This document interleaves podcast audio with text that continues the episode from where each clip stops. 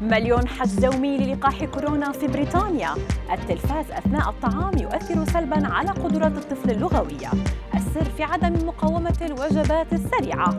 أبرز أخبار الساعات الأربع والعشرين الماضية في دقيقتين على العربية بودكاست. أكثر من مليون بريطاني حجزوا لقاحات كوفيد-19 وهو أعلى رقم في يوم واحد. وذلك بعد أن تمكنت بريطانيا من فتح برنامج اللقاح للأشخاص الذين تتراوح أعمارهم بين ال 25 و 29 عاماً. وهو ما يدل على أن الشباب متحمسون للحصول على اللقاح في البلاد. يذكر أن مجموعة 40.7 مليون شخص في بريطانيا تلقى الجرعة الأولى من اللقاح فيما تلقى 28.5 مليون شخص الجرعتين.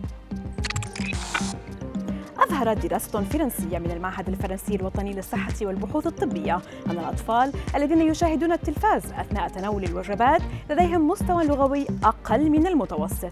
في تفسير محتمل لتلك الظاهرة بحسب الباحثين يمكن للتلفاز أثناء وجبات الطعام أن يكون بمثابة كابح للتفاعلات اللفظية للطفل من خلال تشتيت انتباههم.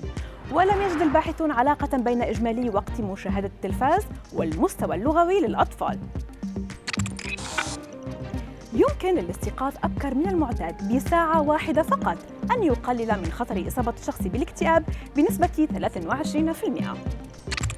وذلك وفقا لدراسة أجريت في جامعة كولورادو بولدر في أمريكا التي أظهرت أيضا أن ميل الأشخاص للنوم في وقت معين يؤثر على خطر الاكتئاب كما من الممكن أن يؤدي التعرض الأكبر للضوء أثناء النهار إلى سلسلة من التأثيرات الهرمونية التي تؤثر على الحالة المزاجية